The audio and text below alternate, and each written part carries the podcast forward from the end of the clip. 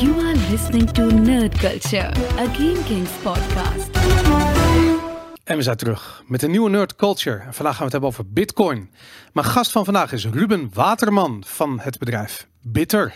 Ruben, welkom. Dankjewel. We hebben elkaar leren kennen tijdens, een, eh, tijdens de opnames van een andere podcast. En eh, toen was je als student net klaar van de Universiteit van Nicosia. En dat is de eerste eh, en volgens mij nog steeds de enige, eh, ja, ik durf het woord crypto niet meer te gebruiken, maar in ieder geval Bitcoin opleiding, toch zoiets? Ja, zo, zo was het eigenlijk wel begonnen. Inmiddels zijn ze wel een beetje geshift in de, de blockchain. Shitcoin hoek zitten ze nu. Ja, Ah, shit. Wat, ze, ze waren echt begonnen als, als Bitcoin opleiding. Ja, hè? Digital currency was toen de naam, want Bitcoin was toch ook alweer een beetje te veel voor de academia. maar eh, ja, Ik vind dat interessant, hè? Want ehm, ehm, wa- wanneer, wanneer ben je begonnen met Bitcoin? Eh, toen was het eh, het einde van 2013. Oké. En als je kijkt waar we nu staan, hoe, hoe, ehm, hoe zou je dat, dat, die veranderingen, en ik bedoel niet alleen de techniek, ik bedoel, we weten allemaal Lightning Network, bladibla, maar ehm, als je kijkt dat, dat er, weet je, we hebben, Bitcoin heeft best wel een soort van, eh, hoe noem je dat, een soort stigma gehad. Best wel een negatief stigma. En, en als je kijkt waar, waar de, hoe dat eigenlijk over die, die, die periode van de laatste zes, zeven jaar, wat er gebeurd is met Bitcoin. Hoe, hoe zie je dat? Ja, ik denk, toen ik dan begon, was, was er net die eerste opmars van allemaal altcoins. Alleen dat waren echt gewoon letterlijk één op één kopieën van Bitcoin. Dat was En de Dogecoin en die shit. Ja, ja, ja. Dus daar was iedereen, zeg maar, toen ik net nieuw kwam, toen was iedereen dat druk aan het minen en dan zo snel mogelijk verkopen voor Bitcoin. Ja. En dan weer door. Maar toen, ik heb ook die, die tijd wel doorgemaakt dat, dat, dat er echt serieuzere projecten waren en we gaan iets nieuws bouwen en we gaan iets beters bouwen dan Bitcoin. Ehm, maar ik denk dat we daar wel eh, de afgang van, van zien. Dat is klaar, hè? Ja, Ik, eh, ik ben altijd bang omdat ik zo erg in mijn eigen Bitcoin confirmation bubbel zit. Dat, ehm, ja, dat ik gewoon dat er dingen gebeuren die volledig langs me heen gaan. Weet je, ik ben, ik ben vorig jaar volgens mij opgehouden met eh, shitcoin projecten te volgen. Omdat ik gewoon merkte van ja, het is de hele tijd hetzelfde. Ja, maar als je deze white paper leest, maar als je dit project checkt, dan zul je zien dat er wel iets mogelijk is naar binnen. En ik heb gewoon, ja, ik heb, ik anderhalf jaar lang heb ik gewoon die lulverhalen aangehoord. En ik ben klaar mee, weet je. Ik bedoel, er is niks anders. Er is maar één netwerkeffect. Er is maar één, ehm, ja, één, er is maar vraag naar één geld, namelijk het beste geld. En die monetaire eigenschappen zie ik alleen terug bij Bitcoin en nergens anders. ja, hetzelfde hier. Ja. Hey, eventjes over jouw eh, bedrijf, Bitter. Ehm, want eh, eh, toen ik jou laatste keer sprak, toen was je dus net klaar met die opleiding. Eh, inmiddels ben je een Bitcoin bedrijf begonnen. Ben je hard aan de weg aan het timmeren. Hoor ik je gewoon bij mijn favoriete podcast, eh, Tales from the Crypt, eh, de Rabbit Hole Recap, hoor ik je aanschuiven. En ik hoor, ik zo, ja, dus Ruben Waterman from the Netherlands. En ik hoor jou het soort van met dat typische herkenbare Nederlandse Engels. Ik zou, fucking hell, dat is gewoon Ruben die daar eh, eventjes bij Marty Bent op bezoek is. Ja, dat was zo gaaf. Ja, Eh, dus Matt Odell die, die tweette iets van eh, ja, eh, zijn gebruikelijke dingen over stacking sets. Dus toen eh, ik, ik reageerde daar gewoon op van ja, dat is precies waarom ik Get Bitter ben begonnen. ja. Gewoon om het zo makkelijk mogelijk te maken voor Europeanen om iedere week een klein beetje bitcoin te kopen. En eh, toen hij, hij was eerst wel een beetje sceptisch om me uit te nodigen voor de, voor de podcast. Want ja, ik ben natuurlijk een, een relatief nieuw bedrijf. Mhm. Ehm, maar hij had zijn luisteraars gevraagd van... hey, gebruikt iemand dit al en wat zijn de ervaringen? En ja, hij kreeg gewoon een aantal eh, goede feedback terug. Onder andere van Nicolas Dorier, toch? Eh, nee, nee, nee, van Keto Miner. Oh, van Keto Miner, van, Ja. eh, heet Noddle. Van, van de Noddle inderdaad, ja. Christ. Wat natuurlijk een van de meest vooraanstaande projecten is binnen die hele Bitcoin space. Dus als je zo'n zo'n zo'n aanbeveling krijgt, dat is natuurlijk heel waardevol. Ja, zeker. Dus toen jij vliegt naar New York en je zit daar in de woonkamer van, van Marty Band dat op te nemen Ja, vervolgens. zeker. Vet. Het was echt gaaf. Ja, ja super cool. Hey, maar dan eventjes terug, want, want die, ehm, eh, eh, ik vind dat, eh, kijk, je hebt die opleiding gevolgd. Dat is sowieso eigenlijk al een soort van pioniersding, omdat ja, het is een virtuele opleiding. Dus je, je, je, of tenminste, je bent niet, je- jij bent wel in Cyprus, ga- op Cyprus gaan wonen, maar dat hoeft niet. Je kunt hem ook helemaal online volgen, die, die opleiding. Ja. Je hebt dat gedaan en dan is de vraag, zoals bij elke opleiding, van wat ga je, hoe ga je die kennis toepassen in de praktijk? Hoe, hoe, hoe werkte dat voor jou? Ah, bij mij was het meer tijdens de studie al dacht ik van...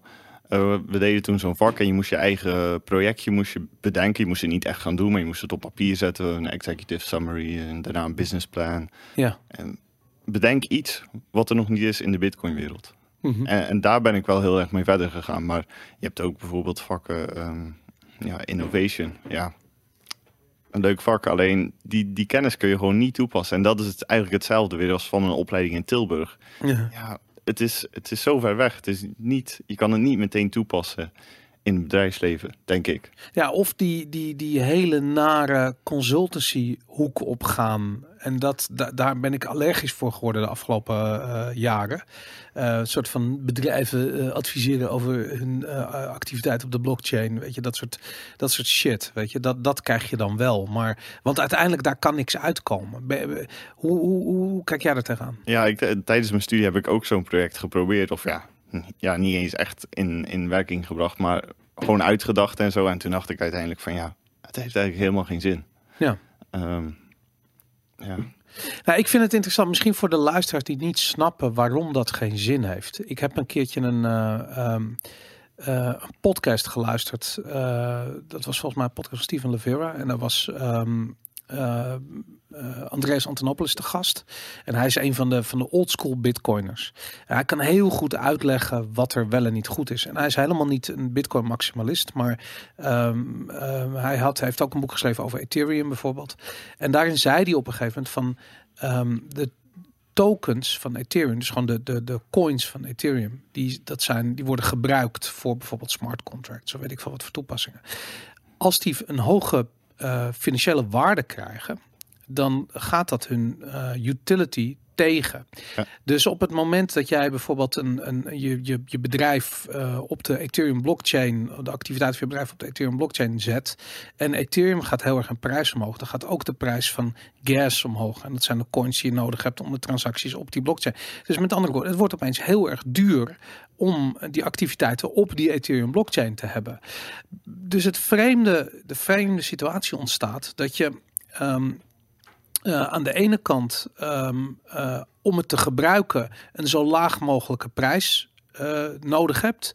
Ehm, aan de andere kant om het, ehm, eh, om het, om het netwerkeffect te gebruiken, zodat iedereen eh, ja, toetreedt tot jouw ecosysteem, heb je baat bij een zo hoog mogelijke prijs.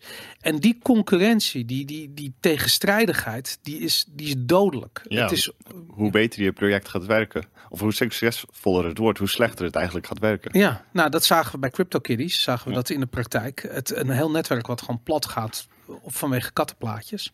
En, en toen, ik, toen ik dat hoorde en, en er op die manier begon naar, te kijken, had ik zoiets van ja, al die, ehm, eh, al die technische oplossingen, die, die hebben eigenlijk maar één.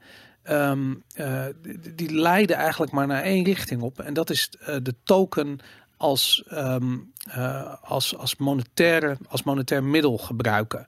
Ehm, en dat is niet een, een, iets, een knop die omgaat, maar dat is een proces wat een token door moet maken. En toen realiseerde ik me van ja, er is maar één token die op dit ogenblik daar het verst in is.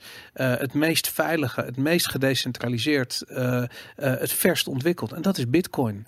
En niet, niets gaat daar nog bij in de buurt komen. Ik bedoel, het kan wel. Tuurlijk, in theorie kan een andere coin kan Bitcoin inhalen.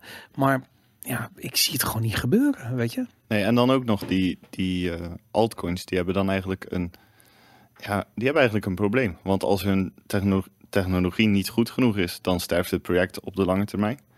Maar als de techniek zo goed is dat het Bitcoin zou kunnen ondermijnen, ehm, dan zouden we misschien ook in de Bitcoin-wereld kunnen kijken: hey, hoe kunnen wij dat gebruiken? Ja, Dus eigenlijk either way gaat het gewoon. Ja. Of, of het wordt zo succesvol dat het wordt geïmplementeerd in Bitcoin en er is geen nut meer voor je altcoin. Of het is zo slecht dat het uiteindelijk gewoon uit zichzelf doodgaat. Ja, en wat ik eh, in precies dat. En, en dat vind ik ook zo interessant. Dat, dat je hebt natuurlijk dat, dat probleem met decentralisatie. We- Weet je, dus op het moment dat er een, een- iemand een briljant idee heeft, dan kan die persoon, die, en die bouwt het, die persoon kan heel makkelijk ontvoerd worden, eh, veroordeeld worden, de gevangenis in worden gegooid, door de belastingdiensten aangepakt worden, whatever. Die, die, die, die is heel makkelijk kapot te krijgen. Bitcoin heeft dat probleem niet zo. Ehm, maar de voordelen van het gecentraliseerde idee, namelijk dat iemand een briljant idee heeft en het uit kan voeren, kan ook in die sidechains van Bitcoin. En dat zie je met Liquid gebeuren. En, dus ik heb zoiets van, ja, er is daar iets aan de hand qua ontwikkeling, waar ja, waar, waar, waarvan ik persoonlijk denk dat wordt niet meer ingehaald. Hoe zie jij dat? Ja, ik ben het helemaal met je eens. Nou, vet. We zijn maximalisten die het Ja. met elkaar eens zijn. we zitten hier. Je zit. Je, als je dit luistert, ben je echt head-on. Ben je in die Bitcoin-bubbel gedoken? Want dat is natuurlijk wel. eh, eh, wat er aan de hand is. Hey, laten we het over Bitter hebben. Ehm het is het bedrijf wat je begonnen bent eh, na je studie. Wat, wat, wat is het idee van Bitter? Eh, het idee is dat je echt zo simpel mogelijk, dus zonder trading screens of whatever, gewoon iedere week een klein beetje bitcoin spaart. En dat kan al vanaf 25 euro. Dus ik, mijn doel was eigenlijk om het gewoon zo toegankelijk mogelijk te maken voor Jan en Alleman. Om, om ook bitcoin te sparen naast hun gewone spaarcenten. Ja, want ehm, je gaat naar GetBitter en Bitter is B-I-T-T-R, getbitter.com. Ehm, je vult daar eenmalig je Bitcoin-adres in. En eh, vervolgens kan je dat ook nooit meer veranderen. Eh, en daar heb ik nogal wat kritische vragen over. Maar ehm, eh, en, en eh, hoe, je maakt geld over naar, naar, naar, naar, naar jullie rekening. En dat wordt automatisch omgezet naar Satoshis. En dat, dat wordt overgemaakt naar dat Bitcoin-adres. Klopt. Ja. Dus iedere keer dat je een transactie doet, gewoon van bank naar bank, dan wordt het omgezet en dan gaat het automatisch naar rekening. Ja. En ehm, kijk, wa- wat ik heel interessant vind, is de, de, eh, de gedachte. Ik, ik bedoel, ik praat met heel veel mensen en nu, nu begint dat weer te komen. Van moet ik Bitcoin kopen? Krijg je die Oh, ja. shit? Die, Ja. Dat zal je ook ongetwijfeld Ja. hebben. En veel mensen denken dan, en dat, dat, dat vind ik echt grappig, die hebben dan zoiets van: ja, ik ga mijn auto verkopen en dan koop ik één hele Bitcoin. En ik heb dan zoiets van: nee man, Take it easy. ja, dat hoeft helemaal niet. Waar, waarom hebben mensen die nog altijd idee dat ze één hele bitcoin moeten kopen? Waarom kopen ze niet gewoon een tientje of zo? 25 euro aan bitcoin. Ik, ik heb geen idee. Ja? Zeg maar, wij, wij zijn er al, zitten al lang genoeg. En eh, ik moet eerlijk zeggen dat ik ook wel zo begonnen ben. Want toen in 2013, toen kon je nog een hele bitcoin kopen. Ja. Toen dacht ik ook, ik ga eh, één bitcoin kopen. Ehm, maar inmiddels, ja, moet je wel veel, veel spaarcent hebben om in één keer één bitcoin te hebben. En, en het is gewoon makkelijker om iedere week een klein beetje te kopen. Maar ik denk dat het in de mindset zit van, nou ja, ehm 1, 1 euro kun je maar opdelen in 100 stukjes. ja, Maar mensen weten niet dat je een bitcoin op kunt delen in 100 miljoen stukjes. sterker nog, een kleine aanpassing in het protocol en je kunt het opdelen in oneindig veel stukjes zelfs. Ja. Ik weet toen ik begon met bitcoin, toen had je zo'n discussie of niet, ehm, eh, of bitcoin eh, niet een verkeerde term was, maar dat het eigenlijk om bits moest gaan. En dat woord bits heb ik al jaren niet meer gehoord. En het gaat nu echt om satoshis. Ja. Dus de kleinst mogelijke eh, unit is een satoshi. En in één bitcoin zitten dus 100 miljoen satoshis. Dus eh, als je, eh, en ik, ik vergeef me als ik de rekensom niet helemaal goed heb, maar pak een beet. Bij een prijs van 10.000 euro voor één bitcoin koop je dus voor 100 euro 1 miljoen satoshi. Ja. Dat is een beetje het idee.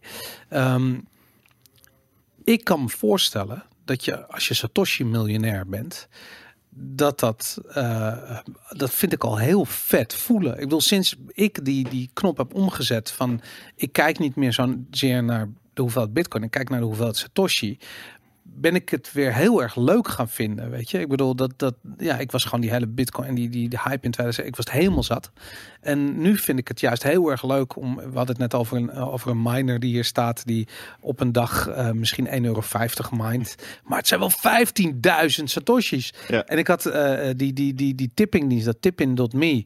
eh ik kreeg van iemand een keer 10.000 satoshi. En ik had zoiets van, dat is 1 euro. En ik had zoiets van, fuck, weet je. Ik krijg gewoon 10.000 satoshi. Ja, Hoe, hoe, hoe kijk jij er tegenaan? Aan die, die, die, want eigenlijk is dat met Get Bidder, of Bidder, is, is, dat, het draait om satoshis. ik zou het eigenlijk, zeg maar, nu zijn de transactie-e-mails, dat is altijd zo, je krijgt eh 0,001 bit, bitcoin. Ja.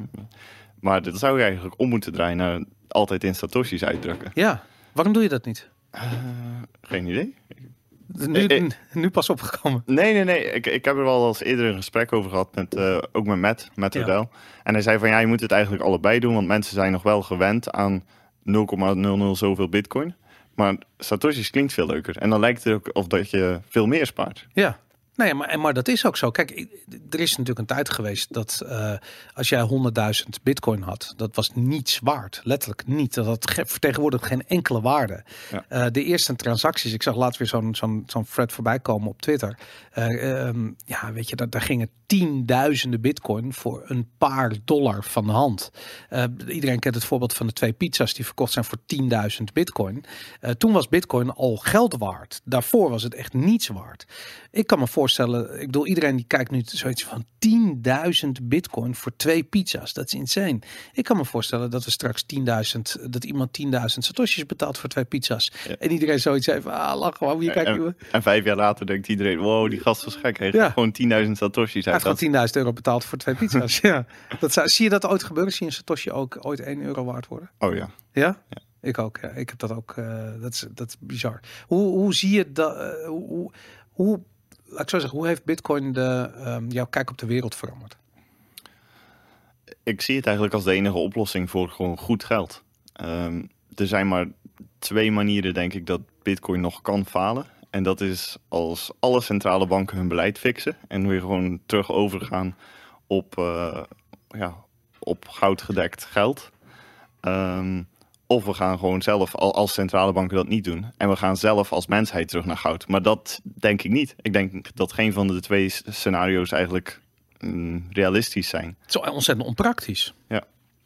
En eh, gedekt, of geld gedekt door goud is niet onpraktisch, maar Ja. het is gewoon heel lastig dan voor overheden, want ze kunnen niet meer hun eigen geld printen. Dus Ja. die gaan dat niet doen. Ja.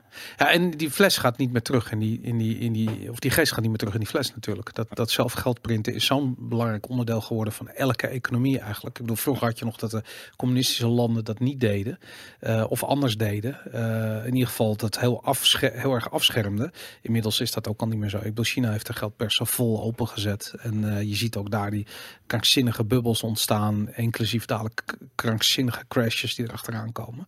Dat, maar dat, dus dat idee dat jouw ehm, eh, wereldbeeld veranderd is, gaat dat verder dan alleen het, het- ja, weet je, ideeën over, over, over economie? Ja, mijn schoonzus die zei gisteren in de auto van ja, je bent wel heel sch- sceptisch geworden over de wereld.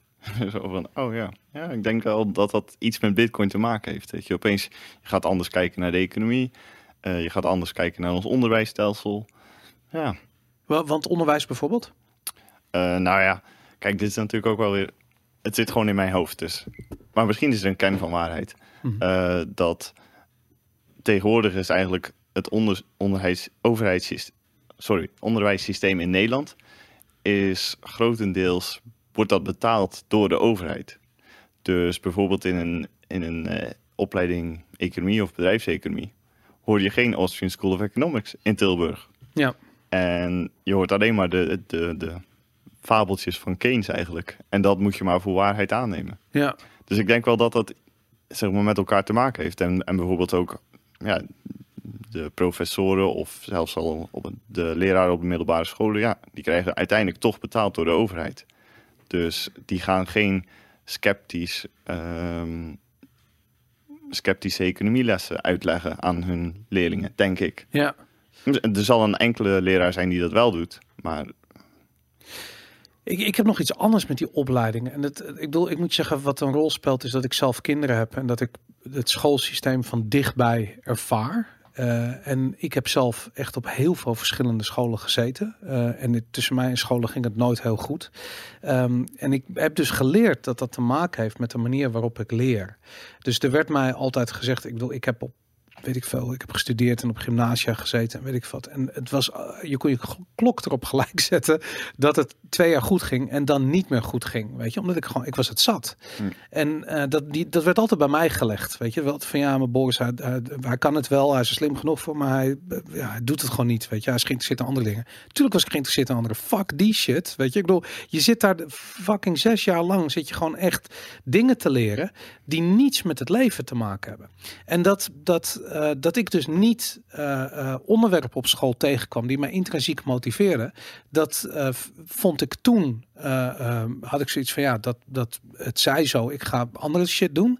Ehm, maar dat probleem, dat werd bij mij neergelegd. Zo van, het is mijn probleem als kind op school dat ik aardrijkskunde en wiskunde en geschiedenis en, Nederlands en Frans en Duits en Latijns en Grieks en weet ik, dat dat allemaal niet interessant vond.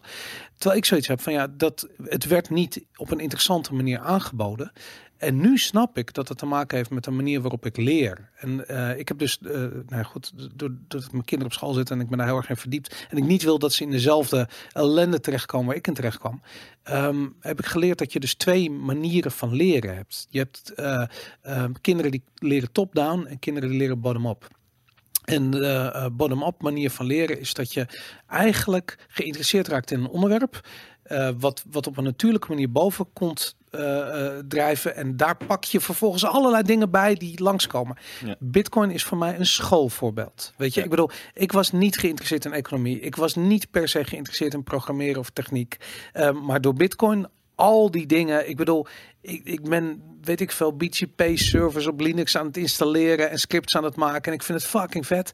En ehm, eh, ja, terwijl eh, als kind had ik zoiets van, ja, waarom, wa- wa- waarom wordt niet op school op die manier kennis aangeboden? Weet je? Ja, en je leert het ook veel beter als je het zelf moet uitzoeken. Ja, dat is het ook. Ja. Ja. Maar, maar wat ik fijn vind, is begeleiding in het uitzoeken. Nou, is het tof aan de Bitcoin community, is dat eh, eh, iedereen helpt je. Weet Ja. je, echt, je kan serieus, je kunt core developers in Amerika een berichtje sturen en zeggen van ik struggle hier en hier mee. Je krijgt vaak binnen een dag of twee dagen antwoord met iemand die je gaat helpen. Dat is in fucking sane. Dat Ja. vind ik zo cool aan Bitcoin. Dat, eh, maar daarom had ik ook zoiets van ja, dat, eh, dat scholen, dat, die, die, die geven dus top-down les. Hè? Dus van je leert eerst je regeltjes en uh, deer, dim, das en, en al je vervoegingen. En dan pas, dan pas eindelijk na zes jaar kun je een keertje wat leren over het spreken van een taal. Het is fucking insane dat dat gebeurt op die manier. Maar dat, daarmee raken ze dus de helft van alle leerlingen raken ze kwijt. En niet dat ze direct school uitstormen, maar, maar geestelijk kwijt. Die leerlingen die zitten op hun telefoon, die dromen weg. Die, die, zijn niet, die moeten Rit- Ritalin slikken om maar enigszins daar die, die, die, die, die zes jaar vol te kunnen maken. Ja, man, ik, ik, ik weet niet. Dat, dat is, als we het over onderwijs hebben, dat is mijn grote eh, eye-opener geweest door Bitcoin. Mag ik er nog één aan toevoegen? Tuurlijk, ja. Ja, dus ik denk ook dat eh, in ons onderwijssysteem wordt eigenlijk helemaal niemand meer uitgedaagd om, om zelf iets te gaan ondernemen. Ja. Je, je moet allemaal in dat plaatje passen om uiteindelijk een baan ergens te krijgen. Ja, Ja, dat idee ook, een baan. ja. Ja, want, want dat vind ik, dat- even teruggaan naar jouw studie aan eh, de Universiteit van Nicosia.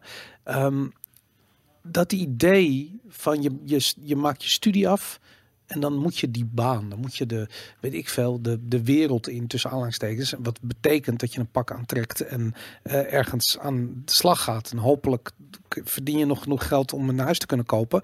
Maar die kans is inmiddels ook eh, kleiner en kleiner aan het worden. Ehm, hoe, hoe, hoe, hoe, heb jij dat meegemaakt? Bij mij ging het, was het eigenlijk wel een mooie transitie. Dus ik was al tijdens mijn studie was ik begonnen met Bitter. En eigenlijk tegen de tijd dat ik afgestudeerd was, was Bitter ook zeg maar klaar om live te gaan. Ja, En zo is dat eigenlijk gewoon in één lange stretch doorgegaan. En ehm, ja, mijn, mijn leven is ook niet zo heel veel veranderd. Want toen ik studeerde was ik veel aan het reizen en deed ik ondertussen die studie. En nu ben ik nog steeds veel aan het reizen en doe ik ondertussen bitter. ja. Eh, eh, Ja, dus je, dat idee dat je niet meer op een kantoor zit om te werken, maar dat je eigenlijk overal kunt werken. Ik heb zoiets van ja, dat, dat is zometeen het tsunami van verandering op de arbeidsmarkt. Weet je, ik bedoel, de overheid zit zo, hoe moeten we het fileprobleem oplossen? Weet je, het file- fileprobleem lost zichzelf op als mensen geen zin meer hebben om erin te staan. Ja. Weet je, dat, dat, dat is toch logisch? Weet je? En ik vind die eh, vanzelfsprekendheid van het oplossen van problemen, vind ik bij Bitcoin passen. Ehm, en dat, eh, eh, ja, dat past niet bij die, bij die opgelegde kennis en waarden en regeltjes die, de, die overheden over het algemeen eh, voorstaan. Ja. Hey, waarom? Want je bent naar, je bent naar Portugal verhuisd. Ja. Waar, waarom? Eh, nou, ik was daar voor een conferentie, Bitcoin-conferentie uiteraard. Dus dat, Dat, was was Breaking Bitcoin 2017 of zoiets? ja, building on Ah, Bitcoin. building on Bitcoin. Ja, Dus sorry. ieder- ze hebben die, die, ja, Ieder jaar is het zeg maar de andere. Ja. Dus het ene jaar is Building on Bitcoin, het volgende jaar is het Breaking Bitcoin. Eh, dus die was, eh, die was in Lissabon. Ja. En toen zeiden die gasten die dat organiseerden, die zeiden van ja, we hebben ook een coworking space hier in Lissabon. Dus er waren ook een aantal side events, zeg maar, s'avonds, die waren daar.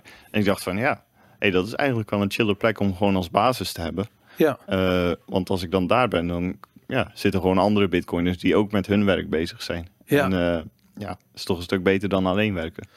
Absoluut. Hey, en en eh, oké, dan verhuis je naar, naar Lissabon en dan is daar, is daar een Bitcoin community? Zijn er developers die. eh, hoe, hoe, hoe ziet je leven eruit als je in Lissabon woont opeens? Ja, die was eigenlijk vrij matig. Ik dacht al, ja, ik dacht juist als je zo'n coworking space hebt, het zal ook wel een bepaald publiek aantrekken. Dus er zullen wel meer, eh, meer bitcoiners zijn. Ja. Maar ik denk eigenlijk eerlijk gezegd dat er hier in Amsterdam meer zijn. Een grotere bitcoin community. Ja. Die, die meetups zijn ook echt veel groter als bij ons. Ja, ja, dat, dat, ja, ja ik, ik denk wel dat dat zo is. Maar ik dacht dat, ja, ik, ik vind Portugal altijd een heel moeilijk eh, te plaatsen land. Omdat ik, ze zijn heel Europees en ergens ook helemaal niet of zo, weet je. Dat, eh, Ja, heb je dat niet? Ik, ik, ik denk eerder, ehm, alles gaat daar gewoon een stukje rustiger. Ja, oké. Ja. En, en het loopt ook echt achter. ja? Is- ja, Misschien dat ik dat wel ergens voel of zoiets. Dat het achterloopt. Dat, eh, Maar het is ook cheap, toch? Ik bedoel, je Ja. kunt in Lissabon kun je voor nog altijd voor een paar honderd euro de maand een huis huren, bij wijze van spreken. Ja, wat in Amsterdam niet meer kan. Ja, dat is insane. Hey, en ehm, eh, eh, hoe, hoe doe je dat? Heb je eh, eh, developers die aan Bitter werken? Doe je het allemaal zelf? Hoe, nee, ik ben zelf geen developer. Eh, dus ik werk met twee, twee developers van een bedrijfje in Roemenië. ah, Oké. ja. Nice. Hoe, hoe, hoe werkt dat samen? Ik bedoel, Ehm nou, het werkt eigenlijk heel goed. En dat komt omdat eh, de, dat bedrijf werd me aangeraden door andere ondernemers hier in Nederland. ja. Dus er was al een bepaalde vertrouwensband. Ja. En eh, voordat we ook echt aan de slag gingen, ben ik eerst een week naar daar gegaan. Ja. Ehm, om eens ja, gewoon face-to-face te praten. Want als je, als je alleen maar op Slack communiceert, dan, dan voelt het ook echt zo van... ik, eh, ik type issues, of ja, ik, ik eh, geef issues door, die moeten gefixt worden... en zij gaan het fixen en het komt weer terug. Maar er is geen band of zo. Ja. Terwijl nu meestal onze, als, er, als er een gesprek is... dan is het eh, ja, eerst van, hey, hoe is het met de kids? En dan gewoon... Ja, oké. voelt, ja, ja, dat heb je wel nodig. Dat, ja, ik wel. Ja, nee, dat snap ik. Maar ik kan me ook voorstellen dat op het moment dat jij op een zaterdagavond gehackt wordt of plat gaat, of weet ik veel wat, ik zeg maar wat niet dat dat gebeurt, maar dan heb je mensen nodig die even de moeite doen om je te helpen. Ja. En niet zoiets hebben van ja, we zijn er maandag weer om negen uur of zo, weet je. Dat, eh, Oh, er is al een, een goed verhaal op deze. ja, Ja, dus eh, het was de tweede paasdag, dat is een maandag. Eh, dus op zich werken banken niet. Dus Mhm. werkt Bitter ook niet. Want als ik geen geld binnenkrijg, ja, dan Ja. kan ik ook niks doen. Uh-huh. Ehm, maar de transacties van bunk naar bunk gaan natuurlijk wel gewoon door. ja. Want jij zit bij Bunkbank. En eh, maandagochtend om, weet ik veel, negen uur of zo, er, er kwam een transactie binnen. En die bleef maar betaald worden. Ieder uur Shit. kreeg die persoon, die kreeg opnieuw bitcoin. En ik had echt zoiets van, ah, wat gebeurt hier, wat gebeurt hier? Bleek het uiteindelijk, het was echt een heel stom issue. Maar ehm, die developers, die hebben het gewoon dezelfde dag gefixt. Ehm, die meneer was gelukkig, ja, was uiteraard een Nederlandse meneer, want hij zat ook bij Bunk. Ja. Hij heeft, hij heeft, gelukkig heeft hij de bitcoin teruggestuurd, maar ik was hem wel Oh. echt heel dankbaar. Ja. Dat, is, En, eh, eh, dat kan een dure grap worden. Dat. Ja. Maar dat vind ik interessant, want dat, je bent als ondernemer, je legt, als je gaat ondernemen in de Bitcoin space, je legt echt je kloot op het blok. Ja. Ik bedoel, je had helemaal niet eens hoeven, die, die, die kerel had dat geld niet terug hoeven geven. Nee. Het voordeel is je weet wie het is, want je zit wel met KYC-achtige toestand natuurlijk. Hoe kijk je daar tegenaan? Ehm, ja, mooi, mooi voorbeeld eigenlijk gisteren met Capital One. Ik, ik, ik, ik zei net nog tegen je, ik moest iets met je bespreken, ik weet niet meer wat dat was. Het ging Dat was het, oké. Ja, wat Nou was ja. er met Capital One? Ehm, nou, die, eh, die hebben gewoon een eh, grote data breach gehad. Is een hele grote Amerikaanse bank is dat hè? Ja, ja. 100 miljoen accounts zijn gestolen. Of eh, informatie van 100 miljoen accounts. ja. Dus dan Ongeveer de, dat, pak een derde van alle Amerikanen. Ja. ja, dat is gewoon al, al ja, niet, niet van iedereen geloof ik, maar in ieder geval burgerservice-nummers, eh, paspoortgegevens, eh, adresgegevens. Maar ook wel betaalgegevens en creditcardgegevens en dat soort dingen. Dus hoe ik naar KYC kijk, is gewoon, dit is allemaal, het is eigenlijk gewoon een, een groot gevaar wat de overheid heeft gecreëerd. Want opeens ehm, is jouw paspoort niet alleen bekend bij de Nederlandse overheid, Mhm. maar ook bij de bank waarmee jij zaken wil doen. Ja. En, en om eerlijk te zijn, ja, een bank is ook niet te vertrouwen, maar toch iets meer dan alle kleine bitcoinbedrijfjes die nu zich ontplooien. Ja. En, eh, ja, en wij moeten het maar zien te beveiligen. Ja. En Ik- en ik denk niet dat de overheid daarbij stil heeft gestaan van, ja oké, we moeten dat geld moeten we kunnen volgen. Maar ik denk niet dat ze stil hebben gestaan van, oh, maar opeens he- hebben ook allerlei bedrijven hebben mensen hun paspoortgegevens. Ja. Ik denk niet dat daar genoeg over nagedacht is. Nou, en wa- wat ik het erge vind, want ik heb me een keertje verdiept in hoe, eh, eh, wat voor soort bedrijven je hebt die KYC-informatie eh, controleren. Eh, en dat zijn er niet zoveel. En dat zijn Amerikaanse bedrijven. En op het moment dat je informatie in Amerika ligt, ligt het bij de IRS. En op het moment dat bij de IRS ligt, ligt het bij de Nederlandse Belastingdienst. En ik weet niet waarom dat is, maar eh, bijvoorbeeld, ehm, eh, ja, ik, ik, ik weet dat de Nederlandse Belastingdienst heel makkelijk informatie uit Amerika haalt. Daar is gewoon een samenwerking, er is uitwisseling op wat voor manier dan ook. En het is nou niet zozeer dat het eh, een probleem is dat de Belastingdienst iets van je weet, weet je, want in principe moet je natuurlijk gewoon je belastingaangifte doen. Eh, het probleem is dat eh, er nog altijd gekeken wordt naar Bitcoin vanuit een soort van perspectief van, hey, we hebben hier te maken met witwassen. Er wordt de, de herkomst van het geld wordt, hoe noem je dat, onduidelijk of, of verhuld of weet ik wat. Terwijl dat is helemaal niet aan de hand. Het is gewoon. ehm, het is een andere manier van naar geld kijken. Ik bedoel, als jij naar een berg loopt en je hakt er een klomp goud uit en je, en je verkoopt het. eh, ben je dan aan het witwassen? Eh, volgens de Belastingdienst wel, want je kunt de herkomst van het geld niet. eh, weet je, dan moet je echt een documentaire maken dat je die klomp goud hebt gevonden, weet ik veel. Je moet op een of andere manier aantonen dat het geld ergens vandaan komt. Maar in principe, geld komt niet zomaar ergens vandaan. En bij Bitcoin heb je gewoon zoiets van: het is. ehm, als ik een betaling naar jou doe en jij weet niet dat het van mij komt, dan ga je en ik weet en ik. Ik, ik, ik zorg dat die coins goed ge, eh, eh, getambeld zijn, bij wijze van spreken. Dan ga je never nooit niet achterhalen dat het van mij komt. Ehm, dus, en in feite, dat is wel waar we naartoe gaan. Dat transacties eigenlijk niet meer te herleiden zijn tot eh, mensen.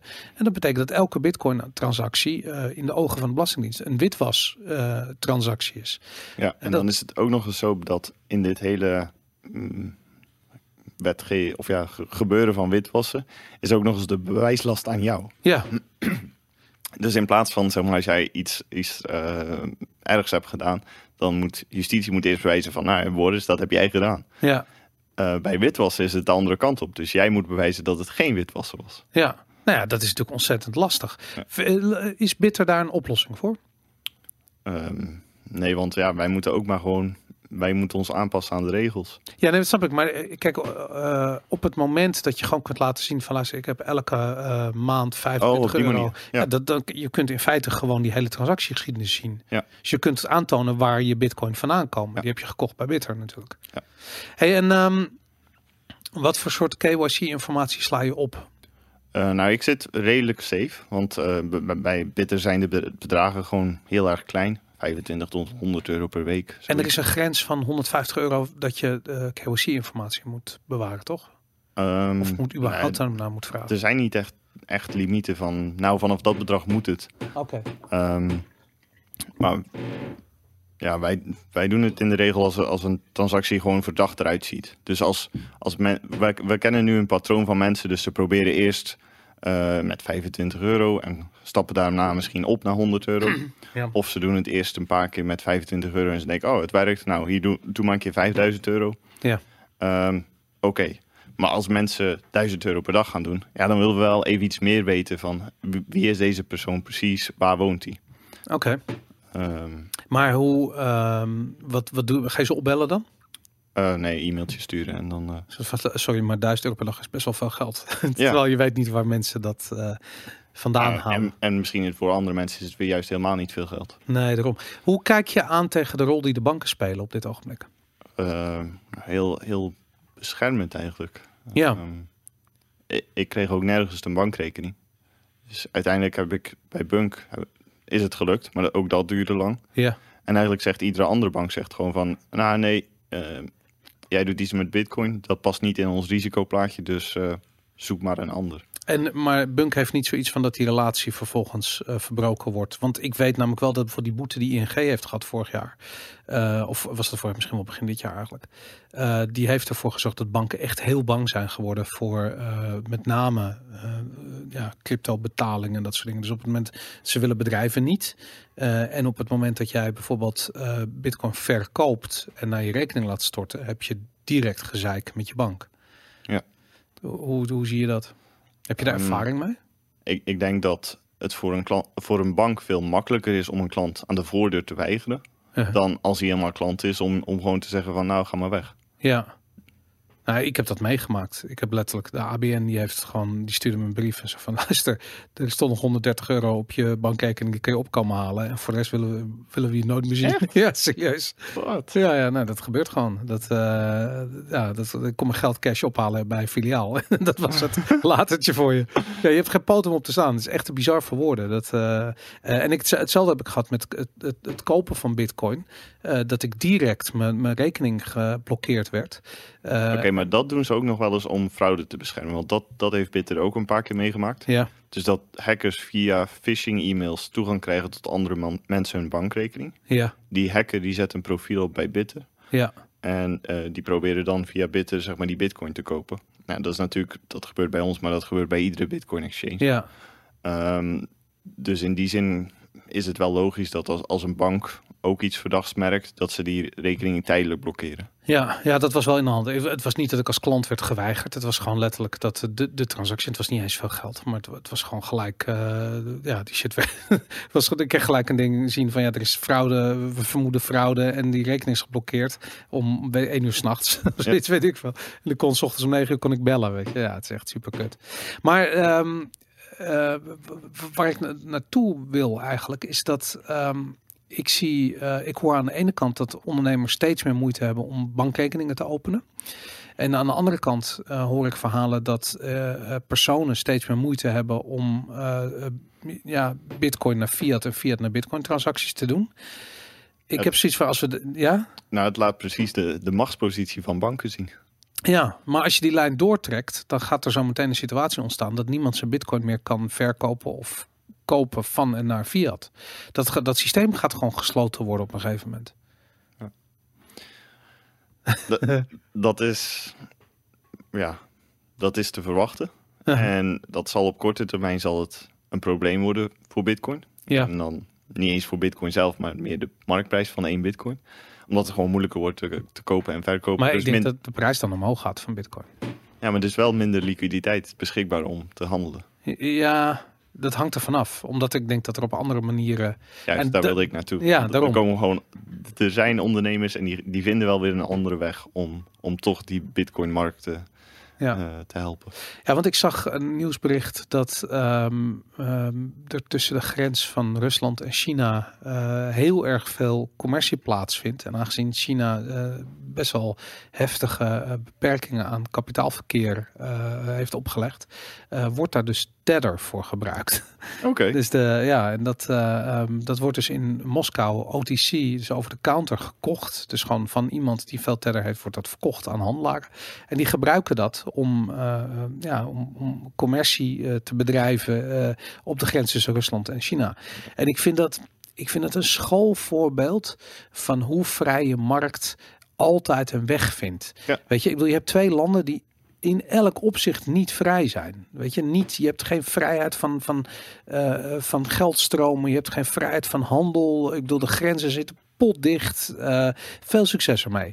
En deze gasten verzinnen gewoon dat ze Tether gaan gebruiken voor, eh, voor, voor die transacties. Ja, prima, weet je. Dat, ja, en Bitcoin daarom- is natuurlijk iets, iets te volatiel nog echt voor, voor grote handel. Ja, ze zeiden dat ze vroeger eh, Bitcoin ge- dat in het artikel, het was een Coindesk artikel volgens mij. Coindesk is super slecht, maar eh, ehm, daar, daar stond dat ze vroeger Bitcoin gebruikten, maar inderdaad na 2017, na die cash, dat ze dat niet meer gebruikten.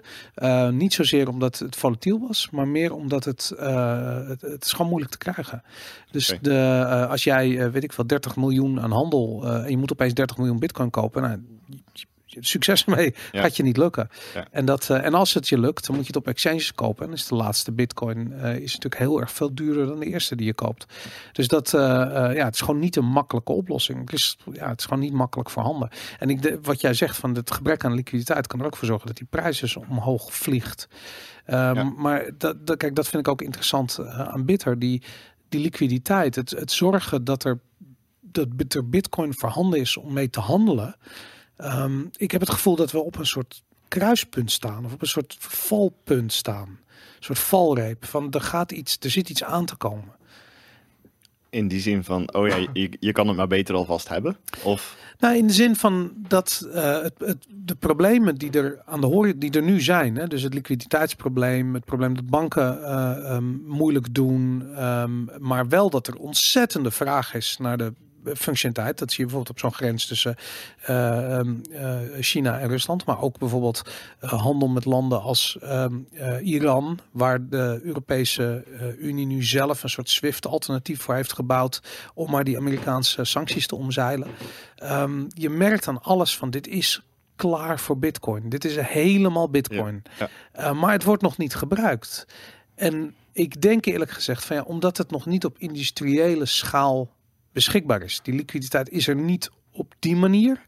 Het is, weet je, als jij op dit ogenblik een deal van 100 miljoen doet, ik zou er ook niet Bitcoin voor gebruiken. Dat is gewoon, ik zou niet weten waar ik het vandaan moest halen, bij wijze van spreken. Ja. En dat, da- daarom ben ik benieuwd hoe jij daar als ondernemer in staat. Omdat dat natuurlijk, kijk, aan de ene kant, ik snap dat mensen 25 euro hier, 50 euro, je, je bent echt mensen aan het opleiden in, in hun kennis voor Bitcoin. Dit is hoe je, je, waarschijnlijk koop je bij Bidder je eerste Bitcoin, je eerste beetje Bitcoin. Ehm, en niet eh, als je al, eh, weet ik wel, tien jaar aan het hoddelen bent. Dan, ik, eh, ik zou ook niet weten waar ik 100 miljoen aan bitcoin vandaan moet halen. Nee, maar dat, dat is een probleem. Dat, Ja. dat, eh, ehm, ja, er Ik, zijn. ik denk wel dat daar andere spelers voor zijn.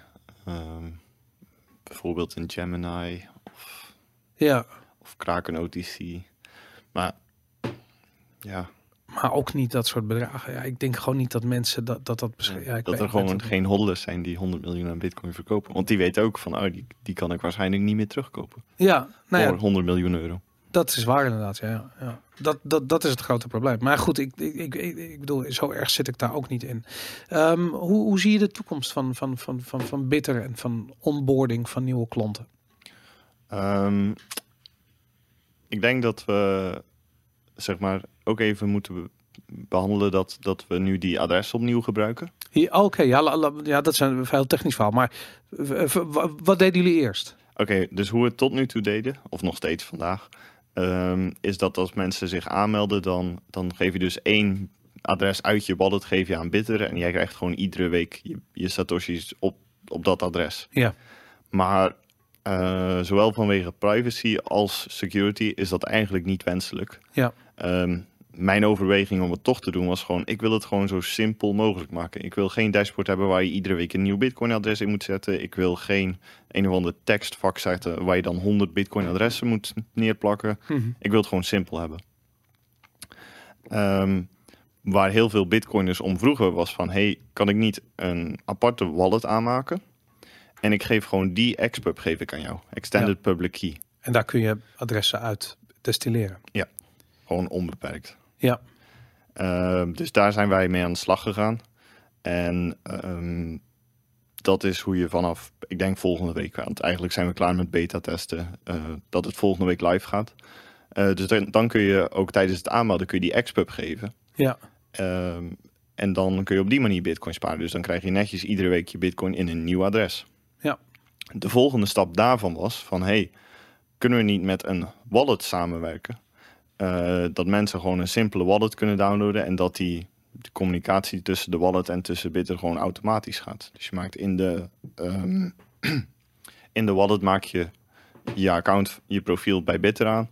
En dan komt gewoon die bitcoin komt in één keer in die wallet. En, en dat is denk ik hoe, hoe wij als Bitter vooruit gaan en, en echt newbies kunnen onboarden. En wel, welke wallet gaan jullie mee samenwerken? Eh, ik heb er nu twee die onboard zijn. En dat is eh LastBit en Hexa Wallet. Allebei nieuwe wallets. Dus dat is ook leuk. Van we zijn allebei nieuwe bedrijven. We proberen elkaar te helpen. Ja, Eh, ik ken ze beide niet.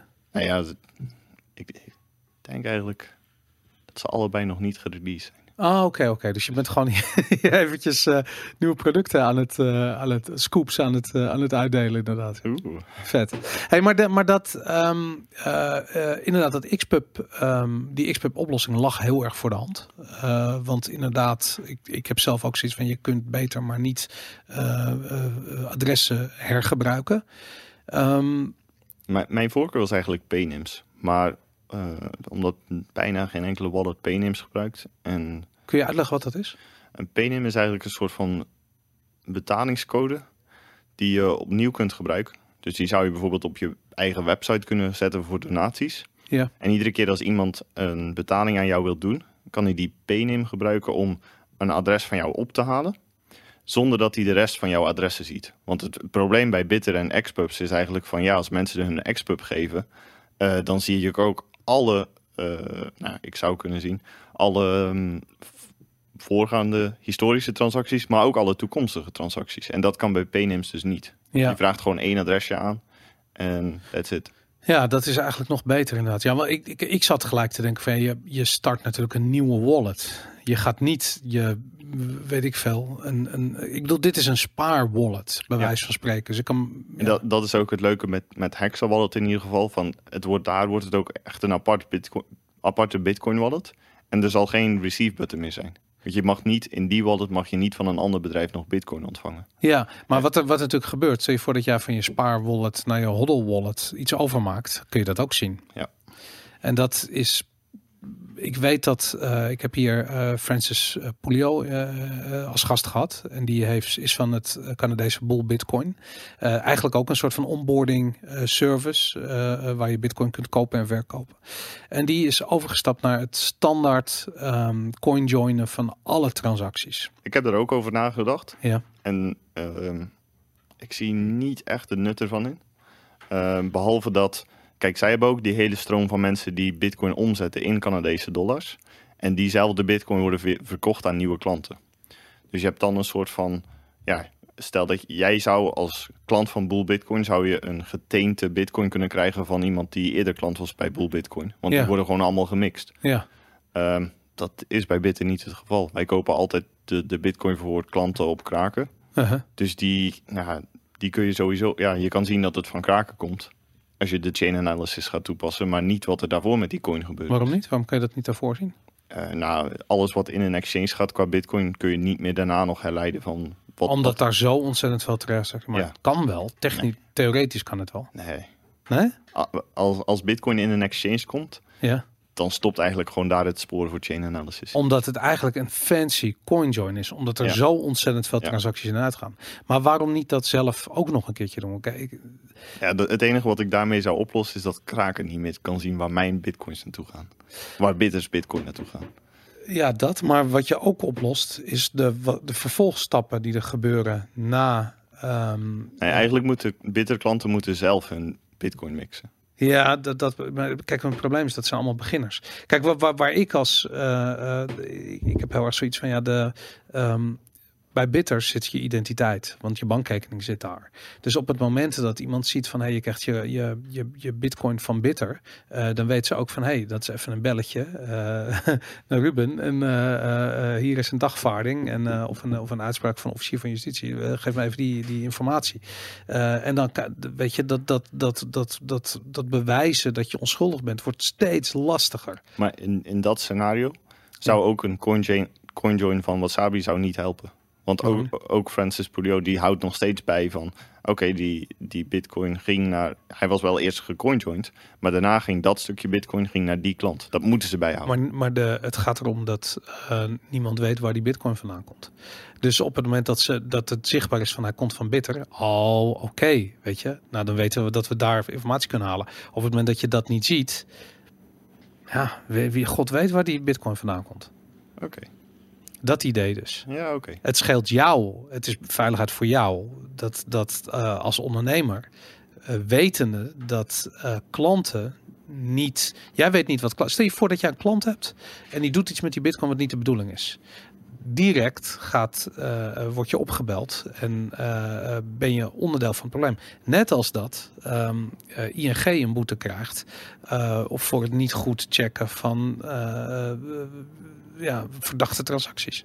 Maar ik denk dat opsporingsdiensten eerder via een andere weg zouden zeg maar, tot de conclusie komen van... hey, die bitcoin komt van Bull Bitcoin of van Bitter of van Kraken. Mhm. Dan eh, Hoe- hoe dan? via de chain Hoe zouden, ze, hoe zouden ze dat doen? E-mail.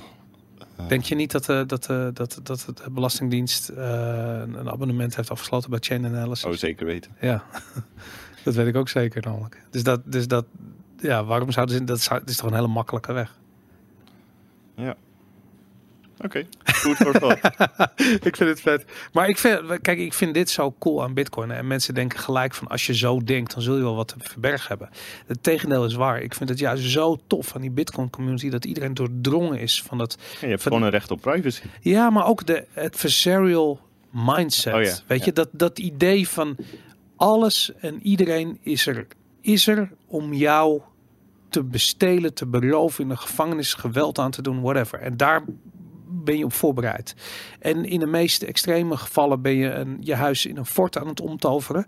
Maar ehm, in, de, in, de meest logische gevallen ben je gewoon rekening mee aan het houden. Van ja, wat kan er misgaan met je... ehm, ja, wat kan er gewoon misgaan met de gang van zaken?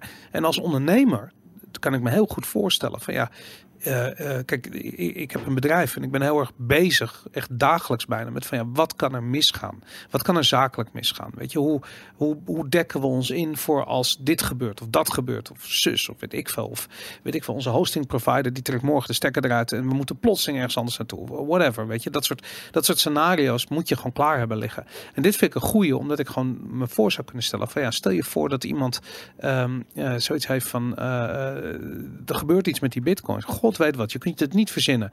Maar direct wordt er beslag gelegd op je, op je bankrekeningen en eh, eh, je, je bedrijf stopt gewoon op dat ogenblik. Je kunt niets meer doen. Ik heb eh, om die reden pas geleden, zeg maar, wij handelen nu altijd op kraken. Ja, Toen heb ik ook een account geopend op Bitstamp. oké. Zakelijk account. Het duurde echt weken voordat ik dat... Waarom niet bij Bitonic eigenlijk? Ehm, Nederlandse exchange gasten zijn, eh, of de, de, de exchange is Blab, bl3p.eu. Ehm, ik, heb, ik zou er eigenlijk nog verder naar moeten kijken, maar voor, voor mijn gevoel is die markt kleiner, dus eigenlijk ook de prijs slechter. Maar daar zou ik naar moeten kijken. Ik denk niet dat het zo is, maar goed, dat, ik durf dat ook niet zomaar. Zeg maar, Kraken en Bitstamp zijn gewoon de grootste euromarkten. Ja, Ehm, oké. Ja, dus je, je, je koopt gewoon goedkoper bitcoin in, dat is Ja. het idee. Ja, dat zou je dan even moeten kijken inderdaad. Ja, dat, eh, dat, dat, dat weet ik ook niet. Wat vind je van ehm, eh, nieuws van gisteren? Dat eh, ehm, er is een sidechain van bitcoin. En dat zijn eigenlijk een soort van aan bitcoin, de bitcoin blockchain projecten gekoppeld aan de bitcoin blockchain. eigenlijk eigen tokens. Ehm, en op die liquid sidechain is het mogelijk om atomic swaps te doen met Tether.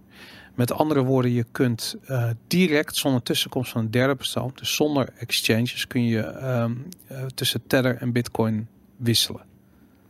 Oké, maar je hebt nog steeds wel een eh, orderboek nodig. Want je moet de prijs kunnen bepalen. Dus ik denk Ehm. dat daar, zeg maar, dat is ook de kracht nog steeds van exchanges.